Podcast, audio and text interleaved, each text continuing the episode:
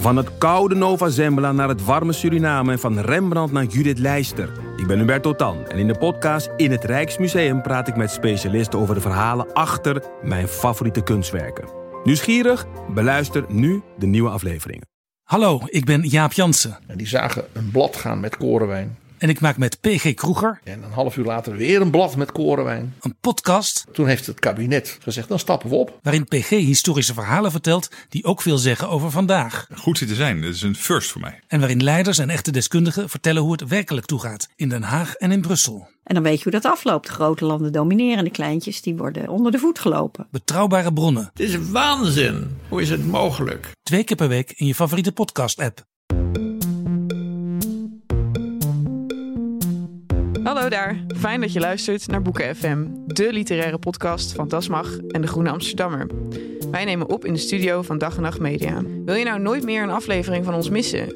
Abonneer je dan nu in je eigen podcast-app en geef ons ook vooral een heleboel sterren en recensies. Dan zijn we ook zichtbaarder voor anderen die ons misschien willen luisteren. Heb je een vraag voor ons of ben je heel erg boos, vooral op Joost? Stuur dan een mail naar boekenfm.dasmag.nl. En we zijn tegenwoordig ook te vinden op Instagram, boekenfm. Maar je kon ook saboteren, want je kon dan ook een zwarte pagina faxen. Maar er ging iemand inkt op. En nee, dan ging iemands eh, printer kon dan, of iemands fax kon dan in de brand vliegen. Omdat hij dan over, ja, dat was echt zo'n beproefde recept om. eh, Dat is zo grappig. Faxing down the ja, house. dan- ja, faxen naar de house.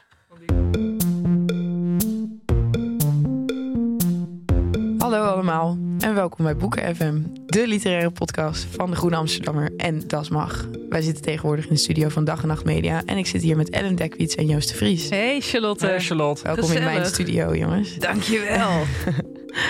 Eh, vandaag gaan we het hebben over Faxen aan Ger van Nicoline Misé. Eh, en dan met name de eerste daarvan.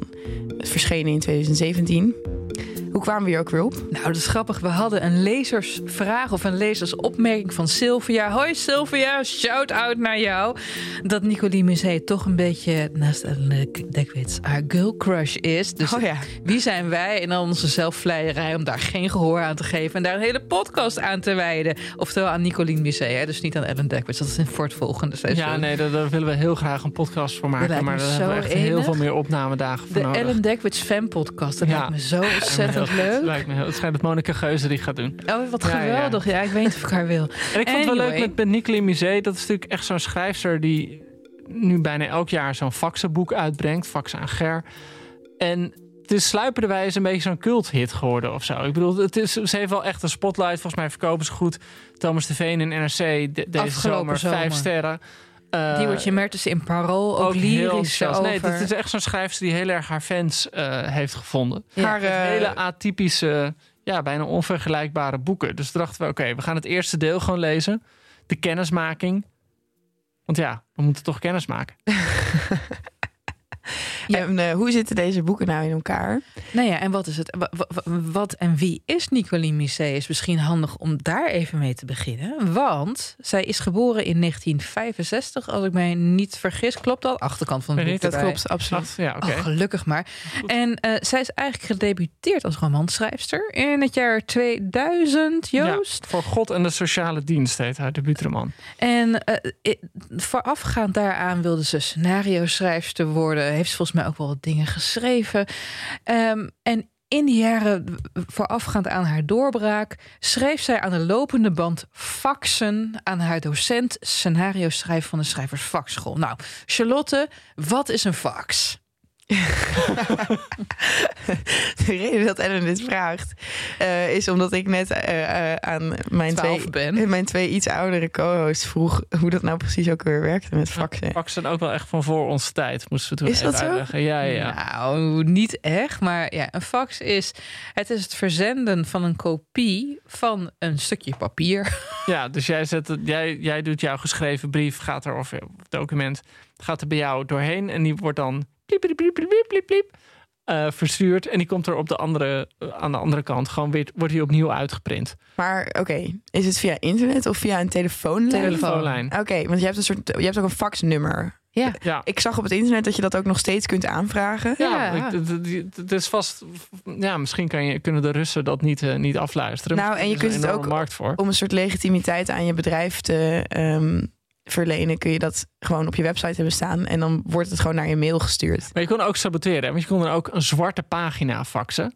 Maar er ging iemand inkt op. En nee, er ging iemands uh, printer kon dan, of iemands fax kon dan in de brand vliegen. Omdat hij dan over. Ja, dat was echt zo'n beproefde recept om. Uh, dat is zo grappig. Faxing down the ja, house. ja, faxing down the house. Want die fax kon dat niet aan om zoveel inkt te. Dit waren de, de, de, activiteiten die jullie deden in het. Uh, in, ja, die wij deden in, in de het Holocene. Ja, toen in het Holocene waar we dit aan doen. Want deze faxen beginnen in 4 augustus 1994. Ja, en weet je wat zo enig is in die eerste faxen? De, de, de grap is ook, ze gaat dus die faxen ongevraagd sturen aan Ger Beukenkamp, haar docent scenario schrijven, zoals we al eerder vertelden.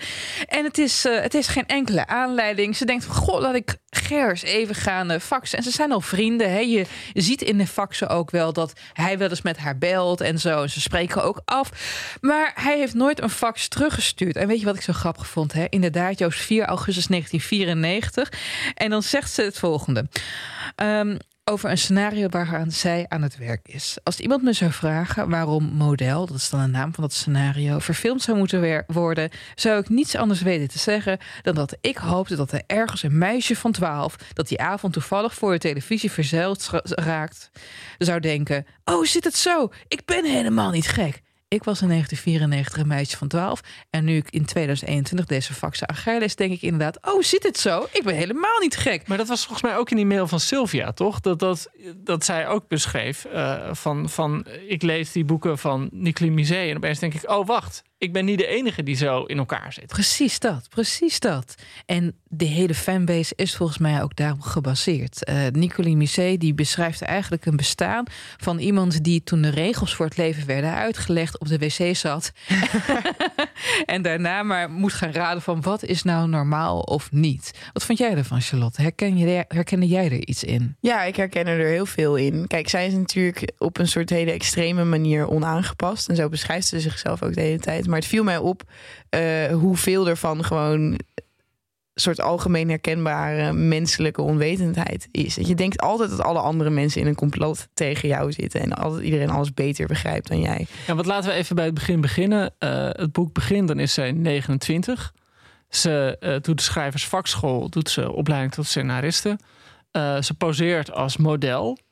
Ze heeft geen eigen huis, maar woont bij een soort rijke mensen in huis in Haarlem. die het gewoon sympathiek vinden om iemand als haar te helpen. Ze zit in de, ik weet niet of ze in de WW zit, maar ze is in ieder geval de hele tijd bezig met haar uitkering. Ja. Um, dan, nog, dan heeft ze nog een uitkering. En ja, later wordt ze op bijstand. Ze, ze vindt relaties heel erg moeilijk. Ze vindt eigenlijk überhaupt het hele maatschappelijke bestaan heel erg ingewikkeld. Ja, maar daar, dat wat het interessante aan haar personage is, of aan dan misschien Nicolie Musée zelf, is uh, dat zij zichzelf daar niet voor straft. Ze lijkt zichzelf bijna te feliciteren voor uh, het feit dat zij niet meedraait. Um, dus ze vindt het, het levert een heleboel frustratie op, maar ze is er niet apologetic over. Nou, nee, maar het is niet dat ze ermee koketteert of zo. Ze, ze baalt wel degelijk van de massa's papierwerk die ze moet inleveren bij de, bij de, bij, bij de sociale bijstand. Um, ze baalt heel erg van dat ze moet bewijzen en telkens moet verantwoorden waarom ze op een bepaalde manier in elkaar steekt, waardoor ze, wanneer ze een halve dag op een kantoor zou moeten werken, meteen half dood is van de zenuwen. Ja. Ja. ja, maar goed, de details van haar, van haar mislukkingen zijn natuurlijk heel erg soort van. Ja, en, en ondertussen probeert ze dan de eerste stappen te zetten in die film- en televisiewereld. En dat, dat beschrijft ze, loopt ze tegen al die, die ego's aan, al die producenten, al die regisseurs die haar, zoals hij ellenlang aan scripten zitten werken en, lang zit na te denken over hoe alles in elkaar moet steken. De tegenaanloop van die mannetjes, van die gasten in van die leren jassen, die en zonnebrillen die even aan je gaan uitleggen, meisje, hoe je, hoe je een film in elkaar steekt. Ja, en, en, en tegen de achtergrond daarvan is toch die constante twijfel van ik snap het leven niet. En ik zou eigenlijk willen beginnen, jongens, om daar even een stukje van voor te lezen. Want dan heb je als luisteraar ook een idee wat de toon is. Ik heb al 30 jaar het vreemde gevoel vermomd door het leven te gaan. En ik vraag me altijd af wanneer iemand die maskerade nu eens doorziet. Deze verlossing zal helaas pas in de seconde van mijn dood plaatsvinden. En daarom moet ik nu levenslang de tijd doorkomen op allerlei idiote manieren, terwijl het zowat nooit echt leuk is. Tussen mijn leven en mijzelf valt er enkel nog een graf te delven, al dus Gerrit Achterberg. Dit is ook wel een uitspraak voor jou, hè Ger? Inmiddels blijven we doordenken en doorschrijven. Altijd maar proberen te begrijpen hoe het toch in godsnaam mogelijk is dat iedereen zo anders is dan ik. En dat je nooit, nooit eens iets van verwantschap voelt met wie ook. En je zal zien, je laatste woorden zijn een stom verbaasd. Oh, is dat het? Krijg nou wat! En het volgende moment ben je hartstikke morsdood en is het allemaal voor niks geweest. Ja. Maakt ze een ontwikkeling mee in het boek? Ja en nee. Kijk, zij, zij verdedigt zichzelf de hele tijd. En dat vind ik heel mooi daaraan, uh, Charlotte. Want zij is niet. Je hebt wel eens. Dat is ook een bepaald type vrouwelijke columnist die heet het grapjes maakt van oh ben ik toch een raar dysfunctioneel gek mens deed ik in het begin van mijn columnschap ook ik ben ook schuldig en zij wil dat eigenlijk niet doen. Zij heeft nog steeds een soort vorm uh, van zelfwaarde, waarmee ze ook de spot drijft. Ik zal nog een voorbeeld geven. Ikzelf, Nicoline Musée ikzelf ben er inmiddels van overtuigd geraakt dat het enige heil te vinden is in volmaakte subjectiviteit. Wat als voordeel heeft dat je altijd gelijk hebt. Ik ook. Ik heb altijd gelijk. Het heeft even geduurd voor ik erachter was, maar nu geniet ik er met volle teugen van. Spijtig alleen dat het anderen vaak tot razernij brengt. Die laten zich daardoor, zonder het te weten, echter wel weer beter kennen. Voor een voyeur als ik heeft dat zo zijn voordelen. Ja, maar dat is precies wat ik bedoel. Ze zit inderdaad niet zo te doen van... oh, gekke ik en was ik maar zoals de populaire meisjes. Ze, is, ze noemt zelfs de mensen die wel meedoen, zoals het hoort... die noemt ze hard en prozaïs. Het, leven, het bestaan dat je dan hebt is hard en prozaïs. Um, ik voel me af van dat is een, dat is een waarde of een moreel oordeel dat zij heeft over de mensen die meedraaien. En dat zijn dus inclusief de mensen die, uh, weet ik veel, die aan het bouwen zijn op straat. Of die uh, op kantoor werken. Of uh, de mensen van de sociale dienst die haar dan moeten helpen. Dat zijn allemaal voorbeelden van mensen die zo'n hart en prozaïs bestaan hebben. Um, maar mag ik zeggen dat, dat daar voor mij wel af en toe echt een dikke irritatie voor mij in dat boek zat. En ik wil niet Mark Rutte of Opke Hoekstra zijn. Maar het, het is natuurlijk het is niet alleen een, een, morele positie die ze neemt. Het is ook echt een hele geprivilegeerde positie. Want wat ze eigenlijk steeds zegt is van oké, ik ben niet geschikt voor de maatschappij. Ik weet de regels niet. Ik vind alles te overweldigend. Ik wil mijn huis niet huis. Ik wil niet hoeven solliciteren. Ik weet niet hoe ik al die regels moet doen. Ik weet niet hoe ik allemaal formulieren moet invullen. En dat is, dat is allemaal leuk en aardig. Maar het is ook een soort van kokette onhandigheid. Omdat het alleen kan bestaan omdat andere mensen wel voor je zorgen. Ik bedoel, haar onhandigheid kan alleen blijven bestaan. Omdat andere mensen wel kundig zijn. Ja, maar als je het koket noemt, Joost, dan, dan, dan insinueer dat dit met opzet is. Nou, het wordt natuurlijk heel dik aangezet. Ik bedoel, ze, ze, ze drijft er de spot mee. Want ze schrijft, ze schrijft super grappig. En eh, ik vind die, die, de fax ook echt heel virtuoos opgesteld. Ja, maar uh, er zit, ik, af en toe vond ik het echt stuitend verwend. Ik zal iets voorlezen. 28 maart 1996, was ik 13 die dag. Uh, was ik jarig. Ik was er niet. Oh Joost, gefeliciteerd. Baby Joost. Ger. Uh, mijn huisbazin M verscheen met een grafgezicht aan de deur... om me uit te nodigen zaterdagochtend de situatie te komen bespreken. Ik had namelijk gemeld dat een toch langs de huisvestinginstanties bevestigd wat ik al dacht. Mijn situatie is hopeloos. Ik heb niets opgebouwd. Ik heb nergens recht op. Ik kan nergens terecht. De Haas begrijpt het niet. De Haas, dat is dus het echtpaar bij wie ze in huis mag wonen. De Haas begrijpt het niet. Ze hebben me zojuist laten, zo laat, ze hebben me juist zo laat mogelijk verteld dat ze gaan verhuizen om voor mij de pijn zo kort mogelijk te houden. Ze hebben geen seconde aan gedacht dat ik zou weigeren te vertrekken. Ik zelf ook niet. Maar ik zal wel moeten. Ik heb geen contract. Ik heb tien jaar bewijsbaar bij ze in huis gewoond. Ze zijn verbijsterd. Ze willen keer op keer met me praten. Ik ben er geweest, samen met Louise, zijn vriendin. Het orakel had me geïnstrueerd alleen maar als een mantra te herhalen: Ik moet toch ergens wonen. En dat heb ik gedaan. Huisbest H werd, werd reizend. Ga jij, razend. Ga jij maar eens werken voor je geld, snierde hij. M zat er zwijgend naast. Ik heb zijn lange brief geschreven, daar is geen antwoord op gekomen. Het orakel heeft gezegd dat ik niet meer met ze moet praten blijven zitten waar ik zit. Dan zullen zij met een oplossing komen. Eigenlijk kraakt ze hier gewoon een huis van mensen die er zelf nog wonen. En ik bedoel, dit is, dit is voor mij een beetje zo'n voorbeeld van.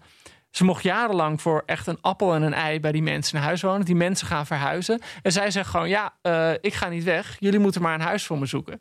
Dat is enorm. Ja, een soort gekke diva-gedrag is het ook. Maar mag ik er iets tegen inbrengen? Ik vind het daarom wel soort van echt gedurfd en grensverleggend om keihard te verdedigen dat je niet hoeft te werken als mens. Ja, maar je moet wel werken als mens. Van die mensen bij wie je in huis woont, hebben ook moeten werken. Ja, ja, ja maar dat je dat Want gewoon... Kijk, zij profiteert van het feit dat die mensen dat huis hebben en Joost, haar dat gunnen. Joost, het is echt even trouwens een misvatting dat iedereen moet werken voor zijn geld. Hè? Er is een goed deel dat lekker renteert op kapitaal dat eerder is overgeleverd. Uiteraard. Ja, er zijn, ja, die mensen, de haas zijn natuurlijk niet ook helemaal onschuldig. Want die werken natuurlijk ook niet zich helemaal het graf in voor alles Die man is heel lang directeur van de hoogovens geweest. Oh, ja. Ja, dat, dan En heb je echt wel hard gewerkt. Ja, hoe je word je directeur van de door hoogovens? carrière te maken, door en hard te studeren. Network. Ja, nou ja, god, ja, daar kan je niks aan doen. Dat is er nou eenmaal. Nee, als we nu wordt- even onze maatschappelijke gerieven opzij zetten, vind ik het gewoon wel ge- dat ze het durft te verdedigen, vind ik heel Ja, interessant. ik vind het ook heel. Ik, vind, ik bedoel, het is ook interessant. Maar het, het is dus een soort van onhandigheid die heel grappig is.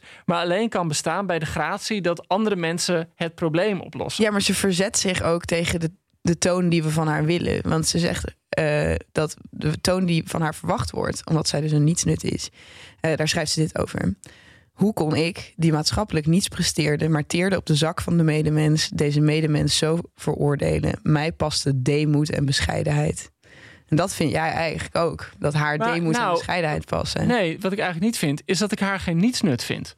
Ik bedoel, ze schrijft heel goed. Ze kan echt iets. Eh, ze praat op een hele slimme manier over die filmscripts die ze maakt. Het is niet zo, ze is geen nietsnut. Ze kan gewoon iets. Ja, En doe dat dan. oké, maar ben je verplicht om je talent te verkopen? Nou ja, kijk, je bent niet verplicht je talent te verkopen. Maar als je wel eh, een huis wil. eh, en je wil wel, zeg maar, gewoon eh, lekker in het leven staan. Ja, dan. Ik vind wel dat je moet werken voor je geld. Ja, maar zij draagt iets bij aan de samenleving. En ruil daarvoor vangt het Sociaal Vangnet van Nederland haar op. Ze zegt ook ergens Kijk, dat... ik bedoel, grappig is. Kijk, dit is dan heel erg de jaren negentig. Toen je echt nog veel makkelijker aan die uitkeren kon komen. Nu is dat volgens mij veel moeilijker. Ja, zelf had zij het, het museum had het zelf over de jaren zeventig in een interview met Gijs Groenteman. Toen zei ze dat in de jaren zeventig vrijwel niemand werkte behalve Lubbers. Die dan weer woedend regels aan het maken was voor de, uit, voor de bijstand. Die dag en nacht Ja. dat geld zat uit te delen. Ja, maar hey, eh, ze, wordt, dat, dat, ze, ze is in die zin dysfunctioneel. Ze kan niet met mensen omgaan, blijkt uit deze eh faxwisseling. Dus ik weet niet of zij echt een keuze heeft, Joost. En het, inderdaad, moet je je kunst altijd te gelden kunnen maken. Daardoor, daarvoor word je wel een beetje veroordeeld. En laten we wel wezen, ze onderneemt wel. Hè. Ze probeert via die scenario's aan de man te blijven. Maar ja, daar stuit je, of aan de man te brengen, daar stuit je op ego's. Daar stuit je op dat mensen een compromis willen maken in je kunst. Ja, en dat weigert zij. Ja, maar dat is, ja, zij ehm, verdedigt dus echt met hand en tand het recht om jezelf te zijn en je nooit aan te passen. En ze is dan ook zo onaangepast dat bijna niemand met haar wil werken. Eh, maar goed, die mannen met wie zij zou moeten werken zijn ook dan stuk voor stuk echt vreselijk. Klinkt wel echt vreselijk. Ja, Ja. door de ogen van Misé gezien zijn dat dan echt ook onmogelijke mensen om mee te werken. Ik denk dat iedereen die in de culturele sector heeft gewerkt dat ook wel kan beamen. Dat, eh, dat dat niet altijd de leukste collega's zijn. Niet ten nadele van jullie allebei. Nee, maar de mensen, de, de baasjes Ja, zit en echt- de bazinnetjes. En ik geloof dat in, in de filmwereld, daar, die staat daar helemaal bekend om. Ja. Ja, maar goed, dus, dus Nicolie Misé komt uit van een bepaalde klasse. Dat blijkt Ja, ook. dat blijkt ook. Eh, ja. van tevoren, haar vader koopt een huis voor haar op een gegeven moment. zodat Ja, dat maar- vond, ik, dat vond ik het stuitendste moment. Dat zegt ze was Ja. van, oh, ik was op de rand van de afgrond. Gelukkig heeft papa een huis voor Ja. me gekocht. Ja, maar daar is ze zelf ook niet trots op. Kijk, je roeit met de riemen die je hebt. En in haar geval is de knapzak vol met muntstukken in de vorm van onroerend goed. Dat is zeker waar. Ja, het is heel erg Haarlem allemaal. Het is heel erg, ze zit volgens mij dat huis waar ze woont. Volgens mij weet ik ook wel ongeveer waar het is. De Haarlemse hout. Het is inderdaad lekker, lekker vertoeven daar. Ehm, Ja, dit is mijn fun fact. Is dat ze met mijn ouders op de middelbare school heeft gezeten. ja, maar het is ook familie Oh, van echt? jou, toch? Op een Ja, of andere Ze gekke is aangetrouwde familie. Ze is van de aangetrouwde familie. Maar ja. ze hebben dus ook... Want mijn ouders zijn ook uit 65. Ze hebben ook alle drie tegelijk op, de, op het Stedelijk Gymnasium Haarlem Hoe rondgelopen. was, hoe was uh, Misé als eh, tiener? Ja, knettergek. Nou, op wat voor manier? Want er zijn natuurlijk verschillende manieren om knettergek te zijn. Nee, ik weet er niet heel veel meer over dan, dan dat ze inderdaad net zo gek is als ze zelf beschrijft in dit boek als tiener. Dus Onaangepast. echt onaangepast. Echt onaangepast. Want dat is wel de vraag die je hebt, denk ik. Van, zet ze het nou aan of niet? Hoe zien de mensen in haar omgeving haar? Vinden die haar net zo gek als zij zichzelf Ja. beschrijft? Eh, het antwoord is ja. Ehm, maar dat vond, ik wel een, dat vond ik wel tijdens het lezen een interessante vraag. Want allemaal vanuit haar perspectief natuurlijk. en, ik, Mhm. en ik weet dat een heleboel mensen de neiging hebben om over zichzelf te zeggen. Zoals je net al zei, columnisten hebben deze ziekte inderdaad. Ehm, te zeggen van, oh, dat is nou zo typisch Charlotte. Ik doe nou weer zoiets gênants en iedereen die vindt het zo raar aan mij. Ja. Terwijl in werkelijkheid zijn we allemaal maar gewoon met onze eigen dingen aan doen. I am so random. Ja, Ja, dat was ja, het ja, een ja. beetje. Oh god, god. Maar, maar zij owned het wel. Ja, en, ja, eh, ja. ik, ik, moest, ik moest daar denken. Ik, kijk, ik ben verslaafd aan een podcast genaamd Your Dad to Me. Weet je wel, van de BBC. Hebben jullie daar ooit van gehoord? Nee, Nee. goede titel. Het is zo grappig. Het is namelijk eh, Greg Jenner, historicus van de BBC, die ook bekend is van voor die kinderserie Horrible Histories. Die nodigt elke week een academicus uit en een stand-up comedian, oh, waarbij hij de academicus laat vertellen over een stuk uit de geschiedenis. En dat is echt heel grappig en het blijft je ook bij. En afgelopen week ging het over Nell Gwyn, minnares van koning Karel II van Engeland, ergens in de 17e eeuw. En de academica die over haar vertelde, die zei het knappe van Nell Gwyn was dat voordat Nell Gwyn was een actrice dus, voor Nell Gwyn stonden f- succesvolle actrices op het podium en zeiden, oh ik ben een vrouw, ik ben zo dom en gevoelig. En Nell Gwyn was gewoon man aan het afzeiken. Die was gewoon unapologetic zichzelf. En dat vind ik het mooie hieraan. Musée is doet geen concessies. Die, die behoudt een zekere zelfwaarde. Natuurlijk haat ze zichzelf ook, want ze ziet in dat ze mensen bezorgd maakt door, door haar depressies, door haar incidentele lethargie. Maar ze staat er wel voor zichzelf. En Ja, ze hebben hele erge eigenwaarde. ze heeft een hele erg eigenwaarde die vind ik niet arrogant is. En over dat dysfunctioneel zijn. Ze blijft drie keer zitten in de derde klas van de middelbare school. Gaat van school af. Ontdekt volwassenenonderwijs. Slaat meteen de vijfde klas over. Ja. Ja, nee, en, zit, en, en, en die tragiek van het ongepastheid zit er ook in. Ik bedoel, de, laatste fax die erin zit, een soort van. eh, ik bedoel, kijk. Het lijkt net alsof deze faxen zomaar achter elkaar zijn geplakt. Maar dat is natuurlijk niet zo. Je, je voelt aan alles dat er echt een, een afweging is gemaakt. En, En in, die, in, in het interview waar jij het over hebt, Charlotte. Ik zou trouwens ook even luisteren, lieve podcastluisteraar. Met Groenteman in de kast, de aflevering met Nicoline Misé. Die was Zij- echt geweldig. Zij heeft echt de helft van de faxen aan Gerps gewoon weggegooid toen ze deze boeken ging samenstellen. Er heeft echt dus wel selectie plaatsgevonden. Nee, en dat merk je ook, want het boek eindigt. Kijk, ik bedoel, het, het is natuurlijk moeilijk, zo'n boek als dit, om. Het, is zeg maar van haar afgeschreven. Dus het is niet zo dat je bij alle personages precies gaat vertellen wie, wie ze zijn. Dus dat moet je echt een beetje zelf in elkaar puzzelen. Eh, maar er zitten wel af en toe echt hele ja, verhalende elementen in. En het eindigt ook met echt, vind ik, een hele mooie lange fax. Ja, Epifania's. Ja, echt helemaal. Eh, daar werkt het boek echt naartoe. En dan vertelt ze ook gewoon over die vriendschap met eh, iemand van de middelbare school. En wat ik daar zo pijnlijk in vind, Charlie is dat. Eh, is gewoon zo iemand met wie die eigenlijk ja, een soort van haar grote liefde is, maar ook weer niet zeg maar per se seksueel, want seksueel zit een beetje tussen mannen en vrouwen in.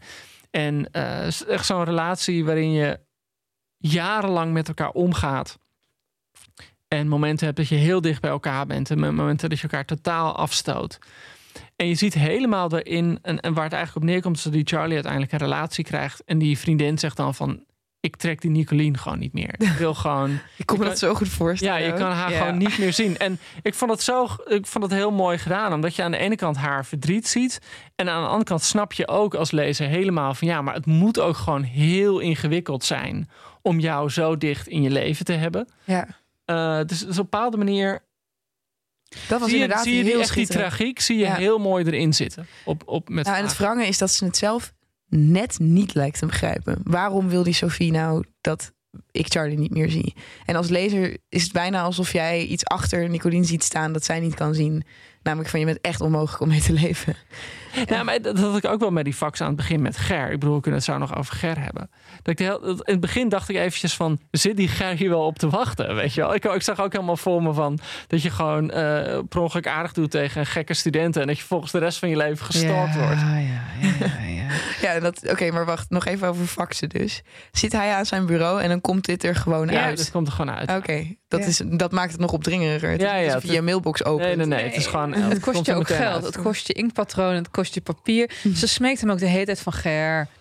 Fax nou rust, een keertje terug. Gewoon even teken van leven. Maar dat doet hij niet, heeft hij ook nooit gedaan. Gaandeweg ontdek je ook als lezer wat misschien een beetje irritant is aan deze Misee. Want hoewel ze dysfunctioneel overkomt, heeft ze een hele scherpe blik op de mensen om haar heen. En ze portretteert en tekent hen heel erg scherp uit. En op een gegeven moment schrijft zij dit over Ger.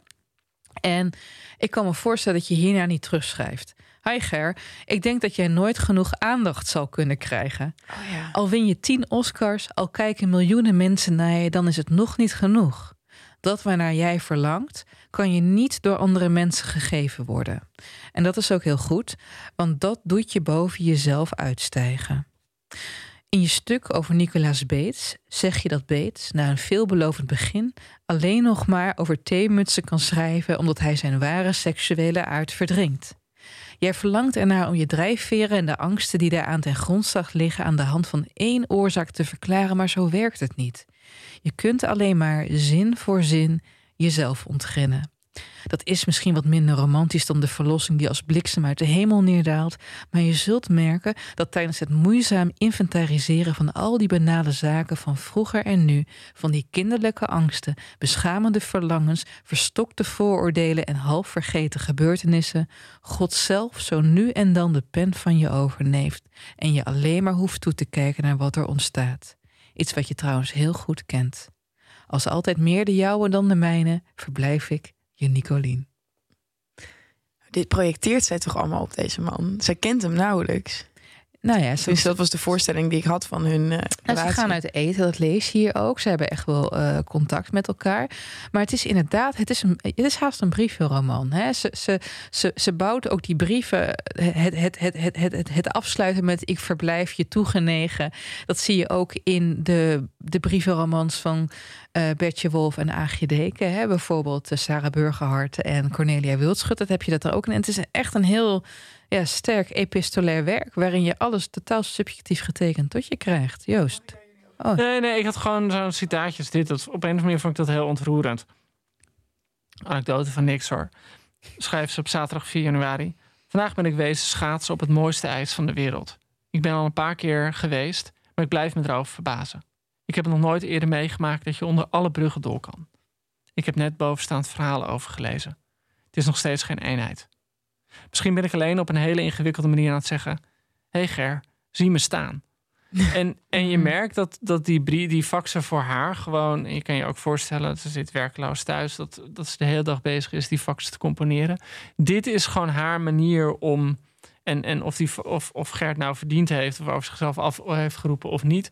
Die faxen zijn gewoon haar verbinding met de wereld. En haar poging de wereld soort van coherent te maken voor zichzelf.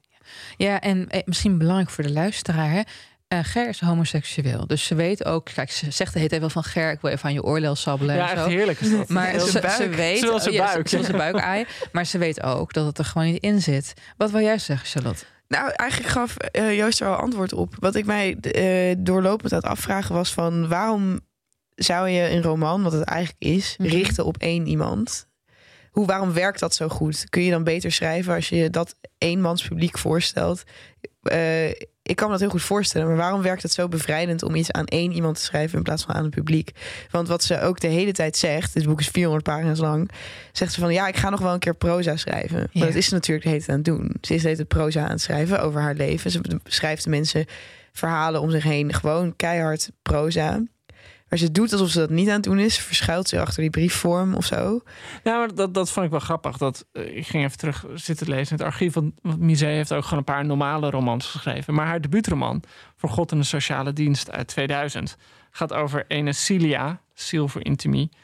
Uh, die uitgebreide vak stuurt aan Sam, de docent van wie ze scenario schrijven heeft geleerd. Hij is voor haar een soort god. De man die ooit de vier verlossende woorden tot haar sprak toen, nadat ze bij hem een script ter beoordeling had ingeleverd. Ik vind het goed. Oh. En, en dus ik bedoel, dat, dat die faxen zijn denk ik voor haar gewoon de methode geweest om. Ik bedoel, zij heeft duidelijk haar eerste boek geschreven. En, en uh, ja, ik weet niet. Dat, dat, dat, is toch bijzonder als iemand, dat hoop je als schrijver altijd, maar dat je zo'n vinding hebt. Dat je opeens denkt van, oh wacht, dit is hoe ik alles kwijt kan. En inderdaad, ik kan me ook niet voorstellen, alles wat ze. Ik, ik zei het al eerder, ik vind het echt heel virtuoos hoe, hoe ze heen en weer schiet in register. En Zo, ja. van anekdote naar Ja, ontboezeming. Naar, Heel wendbaar. je kan je bijna niet voorstellen dat ze dit zou hebben kunnen opschrijven zonder Ger. Ja, daarom. Terwijl hij dus echt niet per se een heel zichtbaar figuur is. Hij is best wel star. Hij kan alleen maar over zijn werk praten. Het is een beetje een soort doodgewone middelbare man uh, van ja, postuur. We moeten wel erbij zeggen dat in de jaren negentig Ger wel echt succes had. En we echt een, een soort van veelbesproken scenarist was. Hij maakte een toneelstuk Emily. Uh, en voor de, voor de echte diehard Oranje fans onder ons, die weten, hoe heet ze ook weer van de achternaam? Emily. Breukhoven? Ja, nee. nee uh, nou goed, Emily was de vriendin. Dat was een van de eerste vriendinnen van Willem-Alexander. Waar toen, zeg maar, de story in de privé graag over schrijven. En dat liedjes onze... door Johan Fleming. Niemand is zo mooi als jij. Uh, Oké, okay. okay, ja, sorry. Zuiver stemmetje heb je. Baby. Hey, je weet toch? Je weet toch met wie je hier zit? Dat is met Fantine. Oh shit, Eponine. Oh, Eponine, sorry. Ja, ja, oh, ja. ja. Oeps, ja. Miserabele. Ik, mijn eerste baan, fun fact, party time. Mijn eerste betaalde baan was een kinderrol in de Joop van de Ende musical. Echt waar? Ja. Jij speelde de kleine... Eponine in Les Oh, Miserables. joh. Ja, ik weet, toen ik acht was, stond ik hier in Carré. was mijn eerste ding. Wat geweldig. Leuk hè? Ja. hey, nu we heel even toch het over onszelf hebben... Ja. is het tijd voor ons om buiten het boekje te treden. Ehm dat hebben we vorige aflevering uh, verzuimd. Omdat we het zo druk aan het hebben waren over Sally Rooney. Sally Rooney. En over literatuur. En over uiteraard ook over de millennials en de tijdsgeest en al die dingen. Maar nu dacht ik van... Mag ik eh, nog heel even zeggen over Sally Rooney... dat op het moment van opnemen we nog niet weten... wie de prijsvraag hebben gewonnen. Op het moment dat we nu dat niet Dat weten. we, dat we dat nu niet weten. Nee, dus dat, dat kondigen Dus we op dat andere niet die manieren. mensen aan het luisteren zijn van... oh, wanneer zeggen ze nou... wie heeft de gesigneerde Sally Rooney boek gewonnen? Nee, we communiceren dat eh, elders. En we communiceren elders. Ja, maar goed, buiten het boekje dus. Ehm, hoe aangepast vinden jullie jezelf aan de maatschappij? Ik vind mezelf op papier totaal aangepast. In die zin dat ik eh, alles braaf doe, belastingtechnisch gezien. Dat vind ik namelijk heel belangrijk. En ik ken mijn etiketten. Maar ik denk ook wel het, mijne ervan. En weet je, ehm, ehm, mijn aanpassingsvermogen stopt bij alcohol. Er wordt nog steeds van je verlangd op sociale gelegenheden dat je drinkt. Ik moet me nog steeds verdedigen van, nee, neem ook een borrel. Nee, ik drink niet. Ik haat eh, drank, et cetera, et cetera. En daar houdt het op. En hoe ouder ik word, ik kijk even naar mijn medebejaarde Joost, hoe meer ruimte ik voor mezelf ook kan innemen. Ik had bijvoorbeeld een paar jaar geleden had ik, had- ik een oud en nieuw en ik had een verdrietig jaar achter de rug en ik ging het bij mijn twee beste gay friends vieren en die hadden allemaal mensen uitgenodigd en het zou echt een heel hard feest worden. En ik zei ja, ik heb gewoon zin om met oud en nieuw gewoon lekker op de bank een boek te lezen, maar ik wil niet alleen zijn. Ik vind het wel leuk wat rumoer om me heen. Uiteindelijk heb ik in één avond een boek uitgelezen op de bank met allemaal feestende gays en neukende gays om me heen, terwijl ik oordoppen in had en een tablet oxazepam op. Beste oud en nieuw ooit. ooit. En eh, ik werd gewoon geïnteresseerd. Ja, Alice is gewoon een beetje raar. Iedereen, oh, nou cool, weet je wel. Dus daar houdt het, weet je wel. Ik, ik, tegenwoordig denk ik, ah, zolang ze me er niet voor opsluiten, doe ik het. Dat Ja. lijkt me een goede houding. En jij? Ik heb net eh, heb ik, eh, eh, een nieuwe hypotheek getekend. Oh, gewoon alle documenten heb ik dan uitgeprint. Die heb ik dan zo'n gaatje ingestenseld. Toen heb ik een, zo'n mapje gekocht. Dan heb ik het in het mapje gedaan. En dan heb ik zo op dat stickertje, op het stickertje geschreven, hypotheek 2021. En dan heb ik dat zo in zo'n laag gelegd. En dan ben ik zo tevreden met mezelf. Dan heb ik echt, ik denk van yes. Het klinkt ik heb nu gewoon, ik heb nu het leven onder controle. En eh, ik, ik, ik denk dat ik, eh, ja, kijk, ik ben wel heel aangepast in de zin van, ja, god, ik, ik bedoel, ik had van de week nog een, een bestuursvergadering en dan zit je gewoon vijf jaren plannen door te nemen en, en lange termijn rekeningen met elkaar door. Ik bedoel, ja, dat, dat is gewoon ook het, het bestaan. Maar toevallig is, is, ik weet niet of het moment dat, dat deze podcast wordt uitgezonden, uh, dat al wordt uitgezonden, maar een, eh, of al verschenen is in de Groene, een collega van me, Racid Elibol, die werkt nu aan een stuk over het imposter syndroom. En dat is toch dat gevoel dat er gewoon elk moment gewoon de deur opengetrapt wordt en dat er iemand naar binnen komt en zegt: "Gast, je bent je hebt geen idee wat je aan het doen bent. Je bent een totale oplichter." Dat je door de mand valt. En, en eh, ik heb wel dat, dat zeg maar als je, als je met die hypotheken bezig bent, dan, dat, dat je denkt van er komt gewoon elk moment iemand binnen die zegt van doe nou maar niet alsof je weet waar je het over hebt. Alsof je eigenlijk twee kinderen in een grote regenjas bent. Ja, ja gewoon twee, twee kinderen in een regenjas op elkaar die, eh, eh, die, die zich er doorheen proberen te bluffen. Dus Ma- ma- Mag ik hier nog iets aan toevoegen? Even over jezelf zijn en alles. Hè? Ik heb de pech gehad dat ik als kind al heel erg ben, nou niet echt ben gepest, maar zeiden mensen, mensen, we, vinden je raar. Weet je wel, ik kom uit een hele bizarre, oorlogsgetraumatiseerde familie. En op een gegeven moment werd dat deel van mijn identiteit. Dus ik stopte ook met mezelf ervoor te verontschuldigen. En dat was echt een bevrijding. Natuurlijk heb ik ook wel eens meegelopen en dergelijke. Maar ik moet altijd denken aan een heel mooi citaat van Guus Kuijer. Uh, hij zei altijd van, je bent pas echt volwassen als je het kind in jezelf erkent. En dat is denk ik waarnaar je moet streven. Die vorm van zelfacceptatie. Dat is, ja, kost ook, het is ook een privilege, moet ik erbij zeggen. Ik, ja, dat vind ik dus wel. En dat heeft ook wel te maken met wat jij dan net zei. Over van zij kan zich wel veroorloven om de het maar te vlieren fluiten. Um, ik kreeg van dit boek heel erg het beeld van. Ehm, eigenlijk leef je pas als je niet weet welke dag het is. En dan eigenlijk leef je pas als je, uh, als je geen idee hebt wat je morgen gaat doen. Als je, uh, als je geen ritme of doel hebt, dan pas kun je uh, zij zegt dan, zij kan heel erg genieten van je wel met een groene appel op de fiets zitten en gewoon de zon bekijken en weet ik wat. En dat kan zij allemaal bij de gratie van het feit dat ze niet een van die mensen is die in de trein naar werk moet. Ja. En Absoluut. toen ging ik ineens heel erg twijfelen aan van wat wil, wat, wat ben ik godsnaam aan het doen of zo. Want ik ben wel, ik streef ernaar om heel erg aangepast te zijn. Dat lukt mij ook grotendeels wel. Ik ben zo iemand met een heleboel stages en zo. Ja. en, uh, um, maar het lukt mij bijvoorbeeld niet om een post te openen. En ik ben volgens mij ook een heleboel belastingfraude aan het plegen. Um, Dit is niet handig om het. Uh... nou, de Belastingdienst echt. Als er één orgaan van de overheid is dat niet functioneert, dan is het de Belastingdienst. dus dat, dat, kom je wel doorheen. Ja, die kunnen niet normaal doen. En met jouw achternaam durven ze echt niet moeilijk te doen. Zijn ze doodsbang voor ja, jou?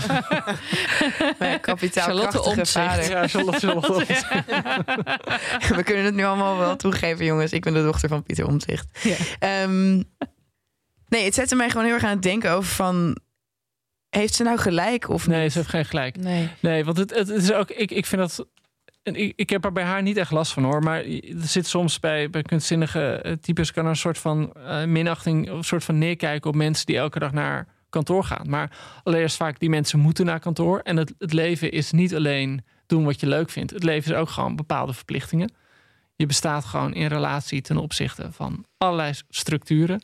En ja, je hebt gewoon een baan nodig om de rekening te betalen. Als je dat niet nodig hebt, ja, oké, nou, dan heb je mazzel. Sommige mensen worden zo geboren. Lekker voor je. uh, en als je naar kantoor gaat, dan kom je erachter dat dat ook heel leuk is. En dat, je, dat het ook heel veel andere soorten passie bij je opwekt. En dat het gewoon super grappig is om met collega's te werken. En om met z'n allen doelen te hebben. En om ruzie met elkaar te maken. Ik bedoel, ik vind echt dat, dat heel veel mensen ontdekken dat pas als ze voor het eerst een baan hebben. En dat het gewoon wel degelijk heel leuk kan zijn om elke dag in het boemeltje uh, naar je kantoor te zitten. Dus het is eigenlijk een soort puberaal verzet. Nou, het is niet, niet puberaal verzet. En ik, ik kan me voorstellen dat zij dat misschien nooit, dat Mise dat nooit zo op die manier. Ja, maar jo, Joost, sorry, sorry. Ik pak hem even terug op privilege. Jij werkt bij je droomtijdschrift. Ja, je wilde eigenlijk voor de VPRO-gids filmrecensies schrijven. Varengids. Voor ja. Varengids, maar jij werkt dat voor nog? je. Ja, I don't know. Ja, dus best wel. Maar, ja. maar jij, jij leeft je droom. Ik leef in zekere zin ook mijn droom. Maar ik heb ook baantjes gehad. waarbij je telkens de grappen van de mensen boven je moest tolereren. Het denigerende ged- gedrag, hersendodende activiteiten. om maar je hu- huur aan het einde van de maand te kunnen ophoesten. Ik bedoel, Ik kan mijzelf zijn, ook omdat ik in een vak zit, weet je, dat schrijfschap, dichterschap, dat een bepaald soort excentriciteit van jezelf ook wordt geaccepteerd. Ja, dat is zeker Totaal privilege wat ik heb. Ja, ja. Maar goed, om daar dan weer zelfkastijdend over te doen, dat hoeft natuurlijk. Nee, hoeft ook niet. En, en het, het punt is natuurlijk, niemand begint bij zijn droombaan.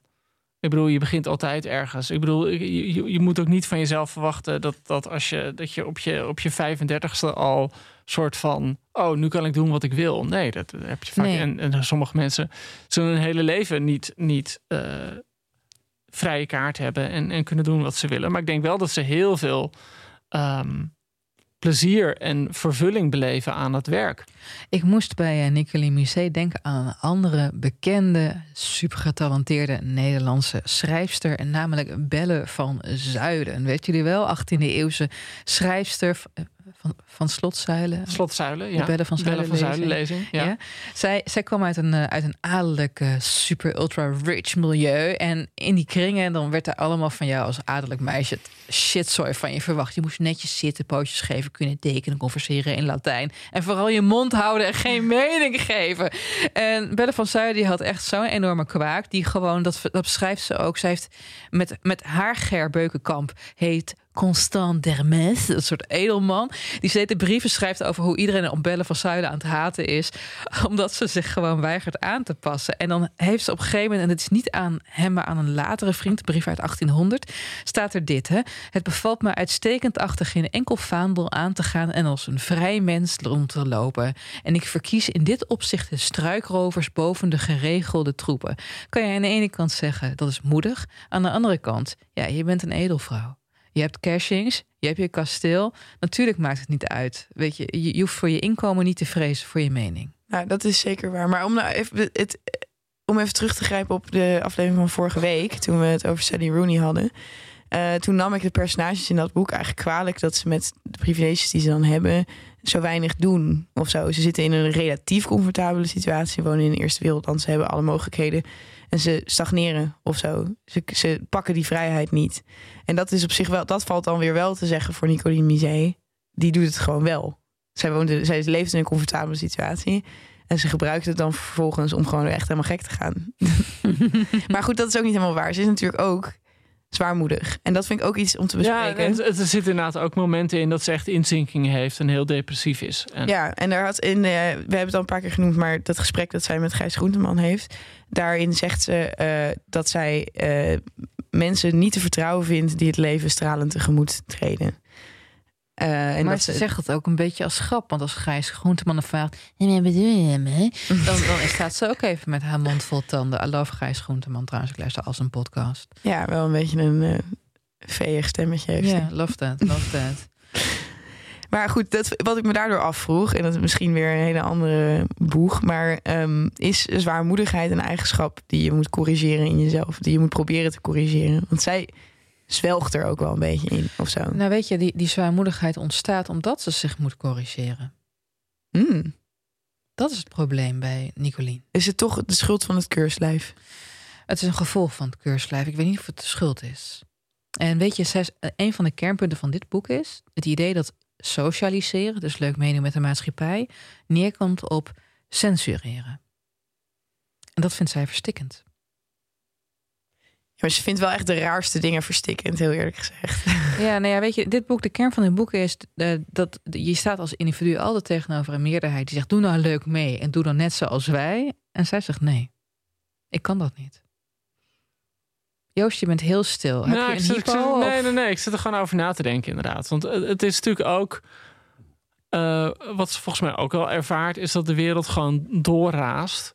Met of zonder haar. Mhm. En het zijn momenten dat ze de wagonnetje eraan wil haken. En dat ze ook heel erg de best doet. En ook wel snapt van, goh, al wil ik een, een film maken of een script maken, ja, dan heb ik met andere mensen te maken. En wat je ziet in het boek is die worsteling, dat het dan steeds een tijdje goed gaat. En dat ze daarna gefrustreerd afhaakt en zegt van oké, dit, dit wil ik nu niet. Niet op deze manier, niet, niet zo. Dus wat betreft zie je die worsteling, uh, zie je wel. En Het gekke is, er zitten natuurlijk gaten in die, in die mails hè, of in die, in die faxen. Dat sommige, die, soms zijn die faxen echt elke dag, soms zitten er een paar weken tussen. Uh, soms is het duidelijk dat er in de tussentijd van alles is gebeurd. En, en ze beschrijft een paar keer dat ze echt in een zware depressie zit. En dan valt ook op dat er echt een stuk minder faxen terug te lezen zijn. Dus wat, wat ik persoonlijk de hele tijd het gevoel heb, is, is dat die faxen ik zei al eerder, van die zijn haar manier om zich te verhouden tot die wereld. Maar die, ik vind die faxen ook een beetje een ehm, performatieve kwaliteit hebben. Ik bedoel, het is ook, zij wil aan Ger laten zien. Kijk wat ik kan. Kijk wat ik kan. Ja, ja, dus ja. er zit een soort van theatraal element in. Ja. En, en, maar goed, dat, we hadden het nu net eventjes hoe het eindigt. Over die hele anekdote, over die vriendschap. Ik denk dat ze zelf dus heel goed voelt dat de, de, dingen die niet benoemd wordt. Ik denk dat ze die echt wel, wel weet en wel, wel ziet van zichzelf. Maar dat ze toch in die faxen, die bijna allemaal een hele montere, vrolijke toon hebben, ook als ze over verdrietige dingen schrijft, zijn ze heel opgewekt en, en heel virtuoos verteld. Ik bedoel, het is wel echt iemand die een performance aan het geven is. Ja, en, en ook misschien om dingen te, te verbergen, inderdaad of om achter te houden. En daar, heeft, daar zegt ze op een gegeven moment notabene dit over. Dan heeft ze het over uh, uh, waarom ze niet naar praatprogramma's kijkt. Wanneer Ger over Emily mag vertellen bij, hou je vast, Paul de Leeuw. Zo heb ik laatst ook niet gekeken toen Paul de Leeuw bij Emily op bezoek ging. En ik wil je toch even uitleggen waarom. In de eerste plaats word ik nerveus van praatprogramma's. Omdat ik het ongezegde nu eenmaal veel sterker ervaar dan het gezegde. En ik vreselijk in de war raak van de discrepantie tussen dat wat hardop uitgesproken wordt en dat wat er onder schuil gaat. Oh ja. Dat is wel echt een beetje haar kern. En dan vervolgt ze verderop met: Dit is trouwens sowieso iets in televisie wat me oneindig bedrukt. Een soort familiaire vrolijkheid, een gezellig doen met z'n allen, een voortdurend met elkaar op zoek zijn naar iets om te lachen. En dat is haar eenzaamheid. Zij weet zich als enige niet te amuseren. En dat met z'n allen zoeken naar iets leuks. Kijk, humor is een schild. Hè? Uh, vaak voor dingen waar je heel erg bang voor bent. Het is ook de reden dat Mark Rutte altijd grapjes maakt en alles probeert weg te lachen. Het is om een leegte te verbergen. En zij ervaart die leegte. Die humor is voor haar geen remedie tegen die leegte. En zij komt in die zin in opstand dat ze het opmerkt. Wat natuurlijk in etikettaire zin een enorme faux pas is. Net zoals dat je in een gesprek op een kinderfeestje en niet gezegd van ja, maar dit kind gaat ook ooit dood. Bij een baby shower. Je hebt het idee dat zij als een van de weinigen bereid is om de, de ledigheid te benoemen. Nou, ze, ze, ze vraagt zich af en ze benoemt, ze wil andere vragen. Waarom maken jullie er geen probleem van? Waarom doen jullie leuk mee? Wil ze dat echt? Ik heb niet het idee dat ze zich wil verenigen met de andere nee. uh, randfiguren, zeg maar. Nee? Nee, nee. Het voelt, voelt meer voor mij ook als een, als een uh, individuele exercitie. En, en meer zichzelf probeert in kaart te brengen op een gekke manier. Dat is inderdaad, ze heeft wel heel veel, en dat is zo interessant. Ze heeft een heleboel hele slimme dingen over de samenleving te zeggen. Maar dat zet ze dan gewoon even tussen twee anekdotes over de vrienden en de familie en, uh, uh, en de, haar stijldanslessen. En haar stijldanslessen, de lesbische stijldanslessen. Um, Wat ik een hele grappige opmerking vond, zo en passant, of tenminste, die is echt maar zo bijgebleven dat Paul Witteman is haar oom of zo. Dat is een, ja. Dat haar oom, ja, gewoon, ik bedoel, de, de, bekende interviewer, maar dat is dus haar familie. En die zegt op een gegeven moment, maakt ze een opmerking dat alle mannen in haar familie bang zijn voor hun vrouwen. Ja. En ik echt zat te denken, well, wauw, dat is volgens mij... Ik kon opeens zo tien mensen bedenken die gewoon in dat precies die rolverdeling uh, hebben. Dat is echt absoluut waar, inderdaad. Ja, wat ik een goed voorbeeld vind van uh, hoe snel zij kan schakelen tussen gewoon een flauwe grap en iets wat best wel mooi is, is deze zin die echt bijna recht uit mijn leven gegrepen is. Hm. Ik heb het ook naar mijn huisgenoot gestuurd en jullie zullen zo zien waarom. Uh, ze heeft het hier over een vriendin. Ik denk dat haar leven niet zoveel meer zal veranderen. Misschien uiteindelijk zo'n beetje samenwonen met een geknakte homo. Een passie voor jenever en tuinieren ontwikkelen. En warme zomerdagen half dronken in het gras liggen. En het geluk en de pijn gelijktijdig voelen schrijnen. Mm. Heel mooi gezegd. Het is wel fucking mooi. Maar je blijft eerst hangen op die geknakte homo. Want dat is echt heel grappig. en, en dan word je ineens alsof een tweede golf zeg maar over je heen slaat, word je gepakt door dat van het geluk en de pijn gelijktijdig voelen schrijnen. En van ja, daar gaat dit allemaal over. Want ze lacht heel erg om het leven en tevens ervaart ze het. Het is echt een soort open wond. Alles komt met hoe zegt ze op een gegeven moment? Alles komt rang bij mij binnen. Dat zegt ze op een gegeven moment. Van alles wat ze ervaart, dat ervaart ze zeg maar tien keer sterker dan de mensen om zich heen.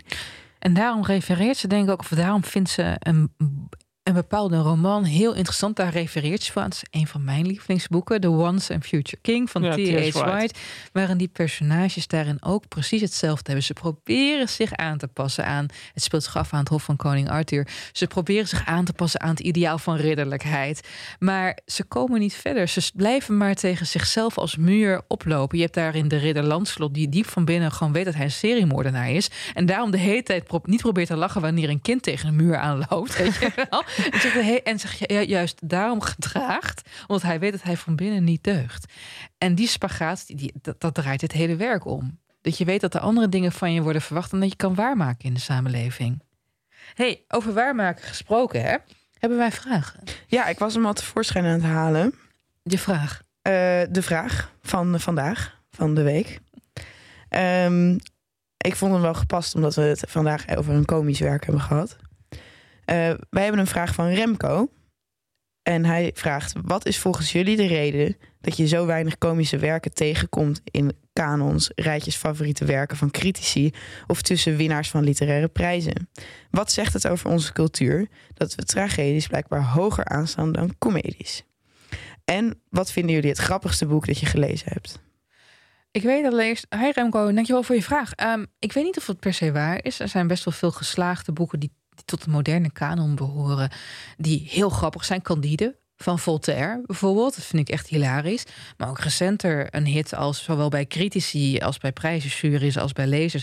Uh, Everything is Illuminated. Dat is de eerste 90% super grappig en dan komt de knal. Ja, maar, het werk van Grunberg, zeker het vroege werk van Grunberg, was heel grappig. Heel grappig. Toen, Daar won hij echt alle prijzen mee. Ja, ik, ik was het ook niet helemaal met hem eens. Maar ik denk dat wrang is wel, het is wel meer wrang dan komisch. Ja, nee, natuurlijk. Het mag niet alleen maar komisch zijn. Er, moet, er moet een soort van groter dilemma in zitten. En een vrolijke noot. Ja, ja je mag niet. Remco, het boek dat bij mij meteen te binnen schiet is Kaas van Elschot. Dat was echt, gewoon, misschien ook omdat ik niet verwachtte dat het zo grappig was als het zou zijn. Echt een ehm, klucht. Ja, echt een klucht. het gaat over een, een, een maker, of ja, een, een, een man die eigenlijk een portie kaas verkocht krijgt. een grote hoeveelheid kaas. En dan die kaas gaat proberen weer door te verkopen. En dat is eindeloos kaas, kaas, kaas. En ik weet nog dat de keihard moet lachen. Is dat gewoon misschien heel flauw, maar dat zo'n vrouw dan halverwege het boek vraagt van proef zelf eens iets van de kaas. Dan zegt hij ja, ik hou niet van kaas. en dat hele boek dat hij ook de hele tijd niet bij de telefoon mag van zijn kinderen. Dat hij probeert dan de hele tijd zaken te doen, maar zijn kinderen zijn de hele tijd aan het bellen en om zo zitten wachten. Um, dat, dat, soms is het ook omdat een boekje verrast hoor, dat zo grappig is dan. Maar Elschot is kaas, 150 eh, pagina's of zo, dat zou ik echt eens proberen. Oké, en, en, maar even nog op de waarom-vraag van Remco. Ik heb ook nog een, uh, een grappige boekenreeks zo meteen aan, aan te tippen, maar de waarom-vraag. Ik denk dat het inderdaad met het verhevene samenhangt. Met het idee van het verhevene. Overigens ben ik van mening dat je met humor juist de onmacht om dat verhevene te begrijpen en te bereiken als mens heel goed in kaart kan brengen. Dat doet Nicolien Musée namelijk ook heel erg goed in dit boek. Over wat ik echt waar de tranen over mijn wangen liepen, is de Discworld-serie van Terry Pratchett. Dat is een fancy, ken je dat Charlotte van? Fancy serie over een mislukte tovenaar, die wiens sidekick een stuk een bagagekoffer is, die hyperagressief is. Dus hij steekt het alsof het een soort dolgedraaide Dobberman Pincher is. Die, die koffer in de, weet je wel, aan het, aan het temmen en zo. En op elke pagina is het wel raar. Heb ik hier al eerder over verteld? ik, ik zit nu net te denken, volgens mij heb ik wel verteld over dwergenbrood. Ja, dat heb je, daar heb je maar vertel nog maar een keer. Jongens, dat, dat zit in Discworld. Dat, dat, moest ik heel erg om lachen. Is dat is uh, brood als je dat bij je hebt, is gemaakt door dwergen. Als je dat bij je hebt, dan zou je nooit vergaan van de honger. Het brood is namelijk zo goor dat je altijd iets anders zal bedenken om op te eten. Zo, zoals je schoenen of ja, een rots. Ja, Wat je ook hebt, heb je in, um, in Erik, dat is volgens mij 12 tot 13e deel van de Discworld-serie. Daar heb je een jongetje dat net zoals in Faust, dus de, de titel is eigenlijk Faust en dan doorgestreept Erik erachter. En net zoals in Faust sluit een jonge domme man een verbond met de duivel om al zijn wensen in ruil voor zijn ziel vervuld te zien. En dan wil hij trouwen met Helena van Troje. Nou, poef, dan is hij getrouwd, maar dan wel Helena, nadat ze al tien jaar in Troje heeft opgesloten gezeten, totaal is uitgedijd door al die kinderen die ze heeft gekregen. En dan loopt daar die tovenaar Renswind, de hoofdpersoon van die discussie, oh, die loopt daar rond. En dan ziet hij opeens een heel grote paard voor de poorten staan. En dan, dan, dan, voel je hem als lezer, denk je al aankomen, maar hij doet niet die poort open voor de paard. Hij zegt, nee, hou die poort maar dicht, is gevaarlijk. Maar hij zegt, het is wel erg warm hier. Wacht, ik zet even een zijdeurtje open. Hop, hele hele Spartaanse leger in de stad. En dat is iets waar ik echt gewoon tranen over mijn altijd echt, Mijn broer was altijd helemaal gek op die boeken. Ja, hey, Hugo, als je luistert. Hoi. Hoi. Hugo, luister een broer had? Ik heb een broer, ja. Wat voor iemand is dat? Ehm, ja, interessante vraag. Uh, hij, hij, lijkt, hij lijkt best veel op mij. Niet qua uiterlijk ziet hij er voorkomen anders uit. Maar uh, een beetje mijn gevoel voor humor, denk ik. En ik ben wel grappiger. Ik ben ook wel knapper trouwens. En, uh, maar hij, uh, hij doet het oké. Okay, Wat is dit voor Hermansiaans ja, ja, complex? Nee, nee Reviaans complex. Wat, nou? Als hij dit hoort, dan ga ik toch niet iets positiefs over hem zeggen? Nou, mijn broer, Dirk Jan. Zo'n kunt Nou, Hij is ook nog eens genoemd naar een man genaamd Jan Dirksen. Maar hij heet Dirk Jan Dekwits. Dirk Jan Dekwits, ja. goede naam. Ja. Echt cool. DJ Noem Dekwits. DJ, ja. DJ, ja. Hij is vier jaar jonger dan ik. En, uh, en hij is gewoon we hebben wel, weet je nog, een paar jaar geleden had je bij Snapchat, dan kon je de, een gender bending filter over je oh foto's. Hè? Zeker. En ook als je mijn foto's vermannelijk, dan krijg je Dirk Jan. En als je Dirk Jans foto's van vervrouwelijk, dan krijg je Ellen. Weet je wel. Maar Dirk is altijd is de knappere versie van mij. En ik ben de slimmere versie van Dirk. Dat is een beetje hoe we onze moeder ons ook altijd aan de buitenwereld verkocht. Van dit is mijn dochter, die doet universiteit. En dit is mijn zoon, en die is model. ah, dankjewel, kut. Maar jij, want jij hebt een broer. Ik heb twee jongere broertjes. En hoe heette die? Wolf en Louis. Yes. Wolf en Louis. Louis. Wel opmerkelijk, want Louis en Charlotte zijn Ja. duidelijk in dezelfde categorie. Maar Wolf is dan echt een heel ander Is soort hij te naam. vondeling gelegd? Was het een nakomertje? Eh, Wolfskindje. nee, hij heet wel Wolf Benjamin, want die, die laatste was niet helemaal de bedoeling, geloof ik. Maar Wolf is, Wolf is de tweede. Oké. Oh. Hij is, en hij is in Duitsland geboren, dus het was geloof ik Wolfgang. Wolfgang, Wolfgang. was de bedoeling. Als ik ooit een kind krijg, dan moet ik het gewoon oeps. Want dat was echt niet de bedoeling dat ik een kind zou krijgen. Oeps de Jong. Ja, oeps de jong. Of mensje. Maar ik, ik weet het niet. Het is een mensje. Dat is zo'n rare naam. Is, waar is dat een afkorting van, mensje? Mensuela. Dat klinkt als een aandoening. Menstruatie. Ja, menstru ja, ik weet niet. Ah. Oké, eh, het allergrappigste boek dat ik graag wilde tippen... Ja. eh, is A Confederacy of Dunces van John Kennedy Toole. Hebben jullie dat gelezen? Nee, nee, vertel. Enthousiasmeer Ik ons. weet dat het zo'n klassieker is. Ja, maar dat is echt wel terecht ook een klassieker. Nou, het verhaal, ontstaansverhaal is al best wel weird. Want eh, het is door zijn moeder... De moeder van John Kennedy Toole heeft dit manuscript gevonden... nadat John Kennedy Toole zichzelf van kant had gemaakt. En is toen met dat manuscript langs uitgeverijen gegaan. Ik moet wel echt heel erg lachen dat we eerder gewoon zo'n heel gesprek van tevoren hebben gehad bij podcast. Van oké, we mogen niet, eh, eh, we, mogen, we moeten de term zelfdoding gebruiken, want zelfmoord is voor sommige mensen kwetsend. En dat je het niet hebt over hij heeft zichzelf van kant gemaakt. Ik was niet bij dit gesprek. Nee, nee, nee, is oké. Jullie bellen mij nooit over dit soort dingen. Nee, we bellen wel met elkaar. Ja, Ja, was leuk altijd. gisteravond. Ja. Meteen zijn we klaar, gaan meteen weer. Jullie gaan altijd met elkaar bellen en dan maak ik ongeluk een faux pas in de podcast. Maar goed, in ieder geval. Eh, A Confederacy of Dunces, dat speelt zich af in eh, de jaren 60 in New Orleans. En het gaat over een soort mislukte intellectueel die op zijn dertigste nog steeds bij zijn moeder woont. En die dan de hele dag in een soort rommelig kantoor pamfletten aan het schrijven is over dat de laatste keer dat er nog een morele juistheid in de wereld was, was in de middeleeuwen. Zij probeert het te verdedigen dat het, Een het soort Thierry Baudet. ja, maar dan is hij enorm. Dus hij is heel erg dik. En hij heeft een, eh, hij heeft een muts altijd op zijn hoofd. En zijn moeder die sleept hem soms mee de stad in. En dan, om, haar te, om haar te rijden in de auto. En dan krijgt hij dan in ruil daarvoor krijgt hij dan taartjes van haar. Net zoals met, met hoe heet het nou, bij, Cote en de Bie. Carla en Frank. Oh ja, ja, ja, die moeder. Is dat ja, dat moeder-zoon ja, eh, ja. Ja, duo? ja, ja, ja. zo is het precies. En Oké. zij is een soort heel frêle eh, vrouwtje. En hij is een soort enorme. En, en hij is altijd alleen maar zo woest aan het opschrijven dat het vroeger allemaal beter was. En toen dan op een gegeven moment moet hij gaan werken. Door een samenloop van omstandigheden moet hij dan toch een baan gaan zoeken.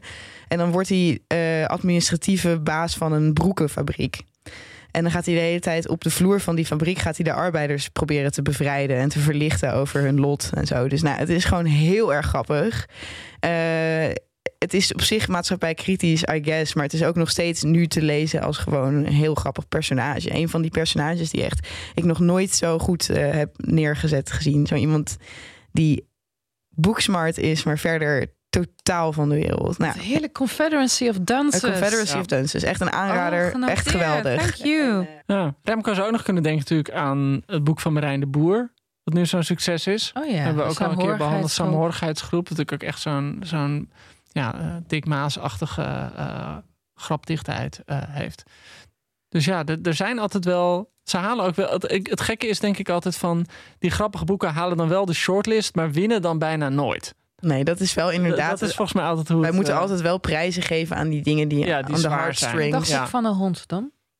Oh, dat vond ik wel grappig. Ja, maar dat was wel Maar vooral. het was niet per se een grappig boek. Het, het was Nee. af en toe grappig, maar het was wel... Ik was wel echt en doorlopend, eh, Cliënt Busken. tot tranen toe geroerd door ehm Sander Koolhaard. Oké, maar we moeten denk ik nog heel even terug naar Misé. Heel eventjes om ons oordeel te geven. Ja, wat Wa- vonden wij ervan? Ik wil eh, even zeggen van wat ik tegenstrijdig vond eraan. Eh, ik vond het aan de ene kant echt schitterend geschreven en super grappig en heel vlot.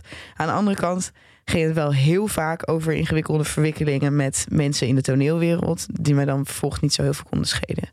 Dus dat waren mijn twee Ja. Ja, en je zei in het voorgesprek trouwens, want ik bel stiekem met Charlotte Joost, want dat is Oké. Charlotte niet met jou. Wij laten Anyway. onze nagels doen voor de opname. Ja, ja, een bikini hars en zo, wat super gezellig. je zei ook dat je het niet. Kijk, Musee is in dit boek ook naaktmodel voor kunstenaars. Dat Oh ja. geloofde je ook niet. Nou, dat geloofde ik op zich wel, want dat is ze ook echt geweest. Ehm, maar ik vond het zo indruisen tegen dat onaangepaste personage dat niet kan meekomen in de samenleving, dat zij dan op deze manier zich zo blootgeeft. Dus zo van, oké, ik pas niet bij andere mensen. Maar ze is wel heel erg emotioneel iemand aan het overladen met haar verhalen. En ze schaamt zich niet voor haar naakte lichaam. Twee dingen waar ik persoonlijk me enorm voor zou schamen. Maar ja, weet je, er, is natuurlijk geen grens aan de menselijke verbeelding als het gaat om ons in te kunnen beelden waar we onszelf niet voor kunnen schamen. Hè? Ingewikkelde zin. Waarmee ik bedoel is, iedereen heeft zijn eigen. Elk, elk vogeltje schaamt zich zoals het gebekt is. Absoluut. Oké, ja, zij schaamt eh, zich voor ja. dat ze niet voor op, op, op, eh, afspraken kan komen Het opdagen. gek is Ja. wel, denk ik bij haar, dat ehm, daarom geloof ik wel dat, dat, dat naakt poseren. Het is natuurlijk heel passief iets om te doen. Je gaat daar zitten, je hebt alle aandacht op je gericht en voor de rest hoef je niks. Ja. Ah, Ja, ja. Ja, Ja, ja, en tegelijkertijd, weet je, ja. poseren, dat, dat is ook iets. Op een gegeven moment is het heel afstandelijk. Ik ben, ik ben in mijn studententijd jarenlang naaktmodel geweest. Terwijl ik niet echt dol was op mijn lichaam. Ik bedoel, eh, gewoon voor degene. Ik, volgens mij bestaan er geen bikinifoto's van mij, maar ik zie eruit als een ledlampje. Weet je wel, zo'n vierkant bovenlijfje en hele lange beentjes onder. Maar ik had er zelf echt geen problemen mee. Slapend rijk word ik veel altijd in slaap op die Zo'n sofa. zo, zo'n knoflookpers. Maar betaalt dat nou? Ja, ik was een knoflookpers. Een soort van- zo'n- Jezus, ja. Zo'n kurkenopener. Weet je wel, gewoon... Mijn bek dicht, Joost. Ja, dat betaalde heel goed. Dat was, volgens mij betaal, in mijn studententijd verdiende ik wel 50 euro per dag. En dat is voor naakt, gewoon slapen. Ja, dat doe ik gratis. Naakt slapen. Ja. ja. Nou, zet er een webcam op. Ja. ja. Dankjewel Joost. Of jullie kunnen me gewoon een keer gaan betalen. Dat kan natuurlijk ook. Ja, oh ja. Eh, daar punt. Ja, oké. En Lan, wat vond jij resume van Nicolet Musee? ja, ik vond het fantastisch. Ik vond het ontroerend, ik vond het grappig. Ik vond de wij gaf een heel mooi inkijkje in de frustraties van het maken van verhalen. Ik vond het heel goed. Ik, ik, ja, ik, ik, ik ben helemaal, ja, ik, ik vond het echt heel goed. En eh, ik geef het een 9,5. Ik eh, zelf eh, werd er dus bij Vlagen eh, erg geïrriteerd en Ja. erg rechts van. Ik zat af en toe een soort Wopke, soort van Wopke. Hoekstra, zat ik naar het boek te, te schreeuwen. Jij bent een soort kromgegroeide VVD'er Ja, inmiddels. ja, maar dat is, dat is ook een goed teken. Want dat betekent dat het je interesseert. Dat betekent ook dat het personage voor je tot leven komt. En Ja. als, een pers als, als iets slecht geschreven is, dan ben je niet op zo'n manier boos over het boek. Dus ik vond het wel echt. soms was het, ben ik wel met Charlotte eens. Ik vond het soms ook wat net wat langer en soms ook wel net wat moeilijk waar het nou over ging. Maar ik vond het echt vooral virtuoos heel goed geschreven. Heel mooi draaiend. Hele aaneenreiging van opmerkingen, observaties, persoonlijke memoires. Eh, ik vond de toon echt heel, heel bijzonder. Dus ik, ik geef het eh, een dikke 8,5. Dikke 8,5. Gaan jullie die andere delen nu lezen? Ja, Ja, ik ben heel benieuwd. Vooral omdat ik weet, we weten nu van hoe ze nu leeft. Dat zij inmiddels getrouwd is met iemand, met een man. Ja, ook gek is dat. En Want in huisje, het- boompje, in het boek. Daar hebben we het nu helemaal niet over gehad. In het boek gaat het ook nog heel uitgebreid over haar seksualiteit. En dat ze gewoon iets moeilijks heeft. Dat ze eigenlijk niet met mannen naar bed wil. Want het voelt altijd aan als verkrachting. En tegelijkertijd valt ze ook wel weer wel op ze. En is het met vrouwen ook niet goed. Dus nou, ik weet niet. Dat, dat- Ja, dus ik wil wel meer weten daarover. Dus ja, ik ga de volgende delen ook lezen. wat en, geef jij het? Wat vind jij ervan? en in, hoewel ik inderdaad af en toe het gevoel had dat ik achter al die nou, jaren negentig verwijzingen aan moest rollen, vond ik het stilistisch zo overdonderend goed dat ik het een 9 geef. dan, he- dan is het Maar dat is familie, dus je moet er anderhalf punt af. Ik ken haar helemaal niet persoonlijk. Ja, gewoon, eh, Dan komen we op een eh, al dan niet familie in aanmerking genomen op een 9 gemiddeld voor het eerste deel van Faxen aan Ger van Nicolien Missé. Een Oké, jongens. aanrader. Bedankt voor het luisteren. bedankt voor het luisteren. Eh, En dan like en subscribe. Like en subscribe. Eh, laat een leuke reactie achter. Geef ons sterren in je podcast-app. Want dat, dat moeten we allemaal vragen. En dan zijn we zichtbaar. Word abonnee op de Groene Amsterdammer. Koop de boeken van Ellen Dekwiets. Luister naar de podcast Eh, van ja, Charlotte, Red ja luister. Red Millennial van Charlotte uh, Remark. Eh, wat van kunnen we nog meer zeggen? Ja, gewoon dit was het. Nou, en als jullie dan nog iets tegen ons te zeggen hebben, dan kunnen jullie ons bereiken via Instagram, boekenfm. Of eh, mailen boekenfm.dasmag.nl. En dan zien we jullie volgende week spreken jullie volgende week. Oh ja. Ja, maakt niet uit. Oké.